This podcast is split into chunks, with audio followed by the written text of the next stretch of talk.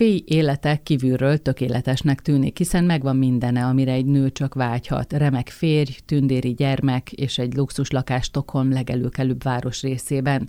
Az üzletekben irigykedve nézik őt, hiszen bármit megvehet, ha belép valahová, azt gondolják, a szerencselánya nincsenek gondjai. Hogy miért érzi egyre rosszabbul magát a bőrében? Hát azt meg nem köti senkinek az orrára. Harcol a kilóival, iszonyú energiát fektet abba, hogy a férjek közönyös válaszait, türelmetlenségét, lemondó tekintetét, az elfelejtett közös vacsorákat elviselje, hogy mindig valami megnyugtató magyarázatot találjon, és ne kelljen szembenéznie azzal, ami pedig nyilvánvaló, hogy romokban a házassága.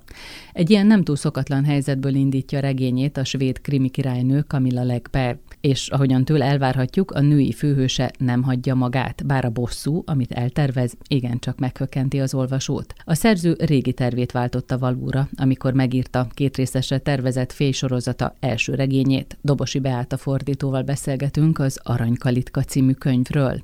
Ez az Aranykalitka, ez más, mint a Fielbakka sorozat, amihez hozzá voltunk szokva, és ami ugye tíz kötetet ért meg idáig, és érdekes módon amúgy a tizedik a boszorkány volt a legnépszerűbb állítólag, ezt most több helyen is olvastam. Ez valami teljesen más. Akik szerették a Fielbakka sorozatot, azok készüljenek arra, hogy valami teljesen mást kapnak ezúttal. Mindenhol úgy reklámozták ezt a regényt, hogy ez a megcsalásról, bosszúról és igazságszolgáltatásról szól, és ez így elég tömör, azt hiszem. Ezen kívül szól még a női összetartásról is, és van egy erős feminista üzenete ezen felül ennek a történetnek. Kamila Legber elmondta egy interjúban, hogy ő már régóta dédelgeti azt a tervet, hogy ír egy erős női karakterről egy regényt, és most érezte úgy, hogy elérkezett a pillanat, hogy ezzel foglalkozzon. Azt is elmondtam hogy az Instagram oldalán, hogy ő nagyon izgul, hogy hogyan fogják fogadni ezt az új regényt, mert neki nagyon fontosak az olvasói visszajelzések, és nagyon fontosak az olvasói vélemények. Ugyanakkor meg úgy érezte, hogy szüksége van egy ilyen írói kihívásra, hogy most valami olyasmiről írjon, amiről eddig nem, hogy kilépjen a komfortzónájából, mert hogy ez szolgálja az írói fejlődését. És valami olyasmiről írjon, amihez talán nincsen köze, mert ugye az Erika, az ő főhőse abban a tízrészes sorozatban, ebben a fialbaka sorozatban, ott azért ez egy több gyerekes családanya, egyenrangú partnere a férjének, segíti a nyomozást, író, újságíró. Na most ehhez képest ez egy egészen másfajta erős nő, az is erős nő volt. Igen, igen, igen, de Kamila Legbert amúgy is nagyon foglalkoztatja ez a kérdés, már mint nagyon lelkes támogatója és híve női vállalkozóknak, illetve a nemek közötti egyenlőségnek is, ami szerintem még nem kellőképpen előre haladott a világba, és Svédországban sem, mondja ő, pedig hát nyilván ebben a kérdésben is élen járnak Skandináviában, úgyhogy igen, most egy teljesen más karaktert próbált megformálni. Azt is mondta, hogy szerette volna, hogy ez a nő nagyon sokoldalú és nagyon összetett, komplex személyiség lesz, és nagyon sok női olvasó, mert hát azt hiszem, hogy alapvetően női olvasókra appellál ő ezzel a kis sorozattal, ugye ez egy kétkötetes sorozat lesz, hogy nagyon sok női olvasó magára ismer ennek a karakternek az érzéseibe. Ami nem kellemes, valljuk meg. Ami mert, nagyon hogy... sokszor nem kellemes, igen, igen. Mik azok az érzések, amivel találkozhat, vagy amire ráismerhet a nőolvasó? Hát ugye a főhősünket úgy hívják, hogy Féj, és éppen ezért ezt a kétkötetes sorozatot Féj projektnek is nevezték el, úgyhogy ha ezt fogom mondani, akkor erre gondolok. Szóval ez a Féj nevű főszereplő, benne annyi közös Kamillával és ugye Erikával a tízkötetes sorozat fősével, hogy Félbakkából származik, azonban később elköltözött Stockholmba, és amikor megismerkedünk a főselő, már Stockholmban él. Egy nagyon okos, nagyon szép és remek üzletérzékkel megáldott hölgyről van szó egyébként, a főiskolán közgazdaságtant hallgatott például, és itt találkozott élete szerelmével, aki belső látásra beleszeretett, és aki forgószérként söpört át az ő életén. Mindent fel is adott ezért a szerelemért, például megszakította a tanulmányait, hogy támogathassa a férfit a cégalapításban, illetve a cég felfuttatásában, tehát munkát vállalt egy kávézóban, hogy eltartsa kettőjüket tulajdonképpen, amíg összeáll ez a dolog, és utána született egy kislányuk, és ő meg is maradt ebben a háziasszony és családanya szerepben, tehát otthon maradt a kisgyerek mellett, míg a férje ugye karriert csinált. Önszentából? Tulajdonképpen igen, igen, most ez egy nehéz kérdés. Tehát ő úgy érezte, hogy neki ez az élet feladata, hogy ő támogassa a férjét és otthon legyen a gyerekével, de igazából ő, amikor még főiskolára járt, nagyon is ambiciózus nő volt, tehát nagyon is szeretett volna karriert építeni, és hát nyilván az adottságai is megvoltak ehhez a dologhoz, mert azért egy elég kreatív és, és rátermett tehát a férjének is segített tulajdonképpen a cég koncepcióját kidolgozni és felépíteni ezt a, ezt a dolgot, de szép lassan belecsúszik egy olyan szerepbe, hogy ő egy ilyen háziasszony és családanya, és neki az a feladata, hogy a hátteret biztosítsa ahhoz, hogy a férje dolgozni tudjon, illetve hát, hogy kialakítsa és ápolja a szociális hálót, vagyis ő kapcsolatot tart a többi gazdag üzletember feleségével. Kávézgatni járnak, vacsorázni járnak, ebédelni járnak, tehát egy ilyen reprezentatív funkciót lát el, és tulajdonképpen egy idő után a külvilág is így tekint rá, hogy ő erre hivatott, vagy neki ezt kell csinálnia, mi több a férje is megfeledkezik arról, hogy tulajdonképpen ő egy erős és, és ambiciózus nőt vett feleségül, akinek nagyon jó üzleti ötletei voltak, és azokat nagyon jól meg tudta valósítani. És hát egy idő után határozottan lekezeli a feleségét, ez többször az orral ledörgeli, hogy ő semmi másra nem alkalmas, csak arra, hogy súroljon, sikáljon, mosson, vasaljon és gyereket bilisztessen, mert hogy ott hagyta a főiskolát, nem fejezte be, és nagyon régen kiszállt az üzleti életből, tehát neki már megkapott a tudása, és egyáltalán nincsenek naprakész ismeretei ebben a világban. Tehát mind a ketten szép lassan belecsúsznak ezekbe a sztereotíp szerepekbe, és fénynek igazából csak akkor nyílik fel a szeme, amikor már a gödör alján van. Tehát teljes mértékben kihasználták, manipulálták, verbálisan és pszichésen bántalmazták. Hát és egy kicsit meghízott, már nem elég csinos, Így van. és már azt sem érezheti egy idő után, hogy a férje rajong érte. Igen, egyáltalán nem rajong érte, már ugye, hanem lenézi. Nem is nagyon veszi, nem hogy nő számba, ember számba se időnként. Ez nagyon lehangoló, és hogyha kapcsolódási pontokat keresünk, és azt mondjuk, hogy a szerzős azt gondolta, hogy nagyon sok olyan impulzus éri majd az olvasót, amire ő ráismerhet, akkor talán sokan élnek olyan kapcsolatban, ahol egy házasság vagy a gyerekek születése a nőt egy teljesen másik szerepbe taszítja. Hát igen, meg ugye kihűlt érzelmekről van szó, ellaposodott házasságról van szó, beszürkült hétköznapokról van szó, a taposómalomról van szó, ahol az ember már észre se veszi a másikat, mert annyira a rutinokról szól minden, meg a szerepkörökről, amik rákövültek az emberet, hogy már kitörni se tud belőlük, és csak abba a kis szűk mozgástérben éli az életét, amit vagy önként, vagy nem önként, de valahogy mégiscsak magára vállalt. Egyébként, amikor azt mondod, hogy sikáljon meg moson, az arra vonatkozik, hogy mondjuk a szendvics morzsát minél előbb törölje le a márvány bútorról, mert hogy a férj nem tűri a rendetlenséget, de tulajdonképpen ők Stockholm egyik leggazdagabb családja. Igen, tehát ez a súroljon sikáljon, az inkább úgy értendő, hogy irányítsa el a bejárónőt, meg a takarítónőt, meg a babysittereket. Nagyon sokszor fölbukkan a múltja. Csak így megmutatja magát, hogy van valami, amit ő nagyon titkol, amire nem akar emlékezni. Két dolog is van, amit ő nagyon titkol, és amiről nem akar emlékezni. Az egyik ugye a fiábakkai gyerekkora, ami elég tragikusan alakult. Erről azért úgy, úgy megtudunk részleteket a regényben.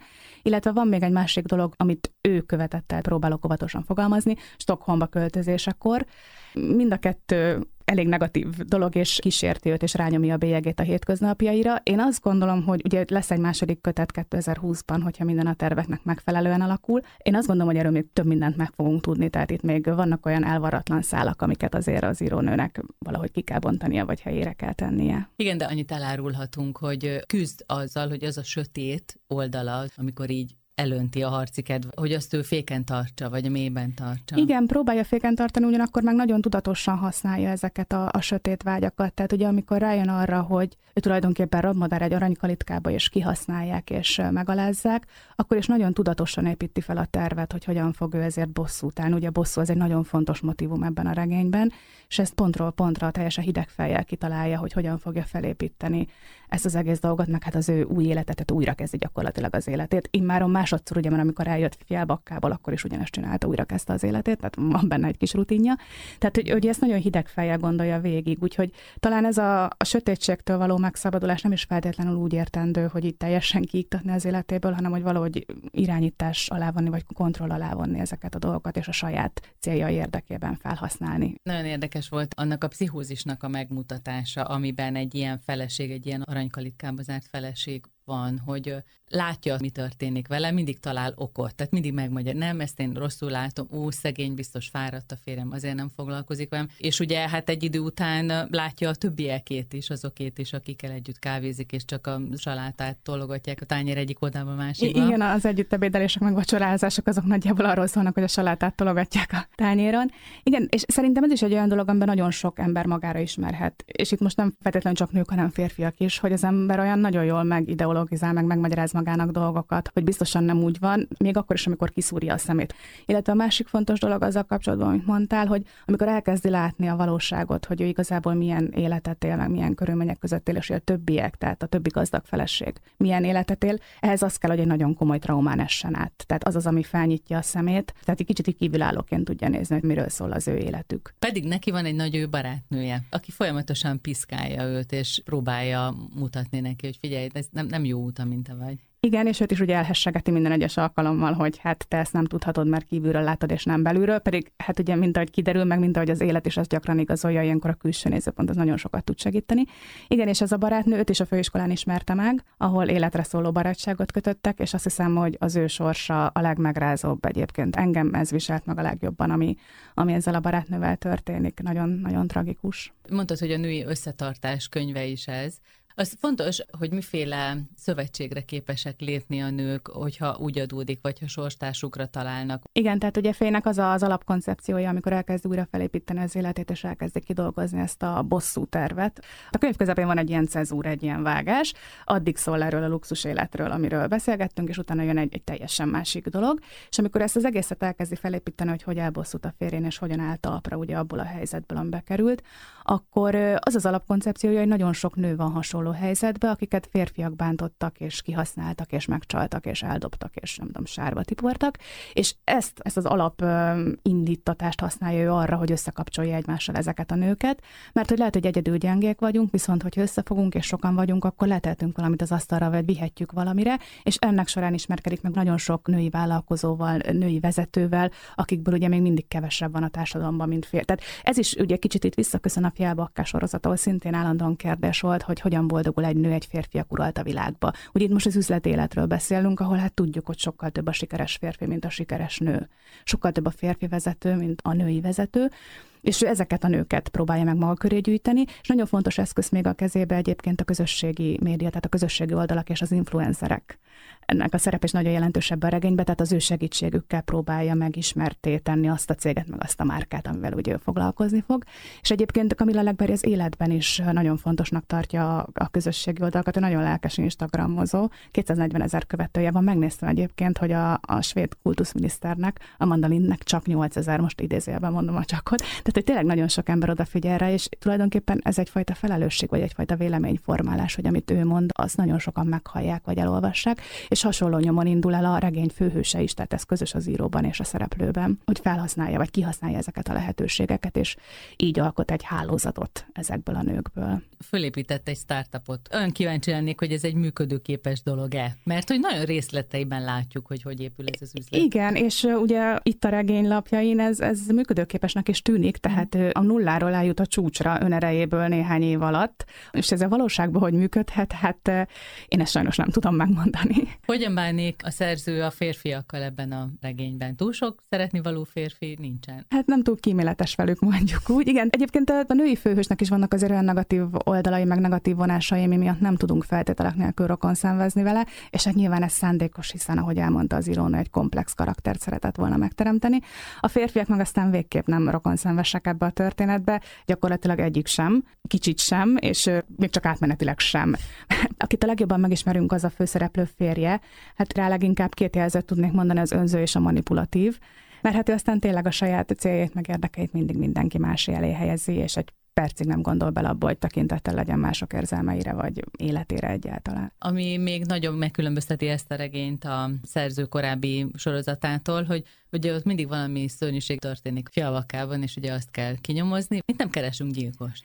Igen, van krimi motivum természetesen egyébként a történetben, de hát még a fiábakka sorozatra sem volt jellemző, hogy minden oldalon folyna a vér. Tehát, hogy a Camilla Legberry úgy ír izgalmas jeleneteket, úgy teremt feszültséget, és úgy tartja fenn a feszültséget, hogy közben az akciók azok nem a szemünk előtt történnek. Ezt általában a szereplők párbeszédeiből tudjuk meg. De itt meg ugye még kevesebb ilyen bűncselekmény vagy rendőri dolog van, tehát nem keresünk gyilkos, meg nem keresünk bűnözőt, de azért van krimiszál, ügyesen beleszőve ebbe az egész történetbe. Ez egy ilyen lélektani thriller. Azt még elmondhatjuk, tényleg nehogy spoilerezünk, de hogy a névváltoztatásnak milyen jelentősége van? Nem az eredeti neve ez a fény. A névváltoztatás tulajdonképpen egyelő a személyiség megváltoztatásával, és nem csak arról van szó, hogy eljátszik egy másik figurát, hanem hogy ilyen alapvető jellemvonásait volt képes megváltoztatni. Teljesen egy másik bőrbe bújt ez a nő, és ugye el is akarja felejteni azt, aki egykor volt, és azt akarja, hogy senki ne tudja a környezetébe az, hogy ki volt ő egykor, és hogy honnan jött. És ez teljesen lezárt fejezetnek tekinti a múltjának ezt a részét, és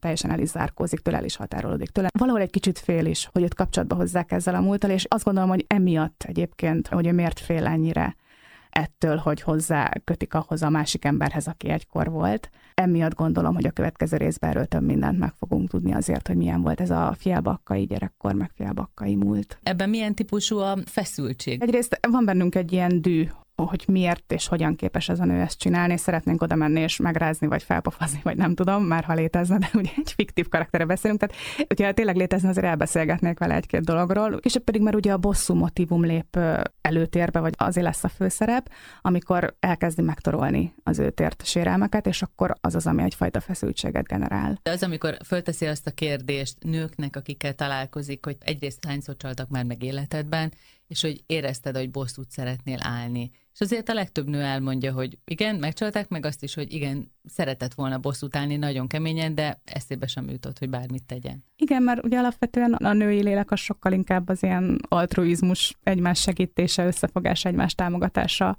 erre van berendezkedve, vagy ez az, ami így, így a nőket alapvetően jellemző. Most persze nyilván ezek nagyon sarkítások és általánosítások, aminek megvan az a veszély, hogy két perc alatt találunk egy olyan nőt, akire nem igaz, amit most mondok, de ugye általában azért a nőket ilyennek látjuk. Tehát mi nem vagyunk annyira kompetitívek, nem vagyunk annyira versenyző típusok, meg, meg nem számít annyira sokat a győzelem. De hát persze nyilván az embernek vannak negatív érzelmei, mind dű és bosszúvágy, teljesen normális, és nyilván mindenki érezné, ha ilyen dolgokat.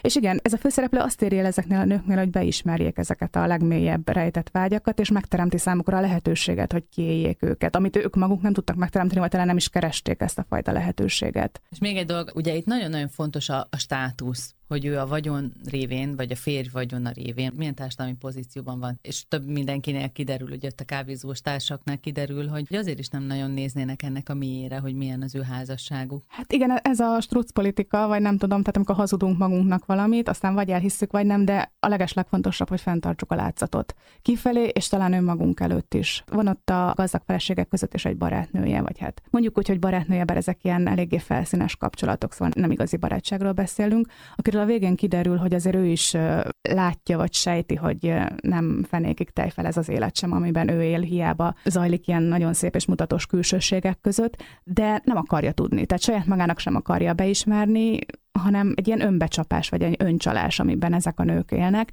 mert igen, mindennél fontosabb a, homlokzat, az, hogy kifelé mit mutatunk, az, hogy a felszínen mi van, a pozíció, a külsőségek, a státusz, és ezért feláldozzák még tulajdonképpen azt is, hogy, hogy őszintén szembenézzenek saját magukkal.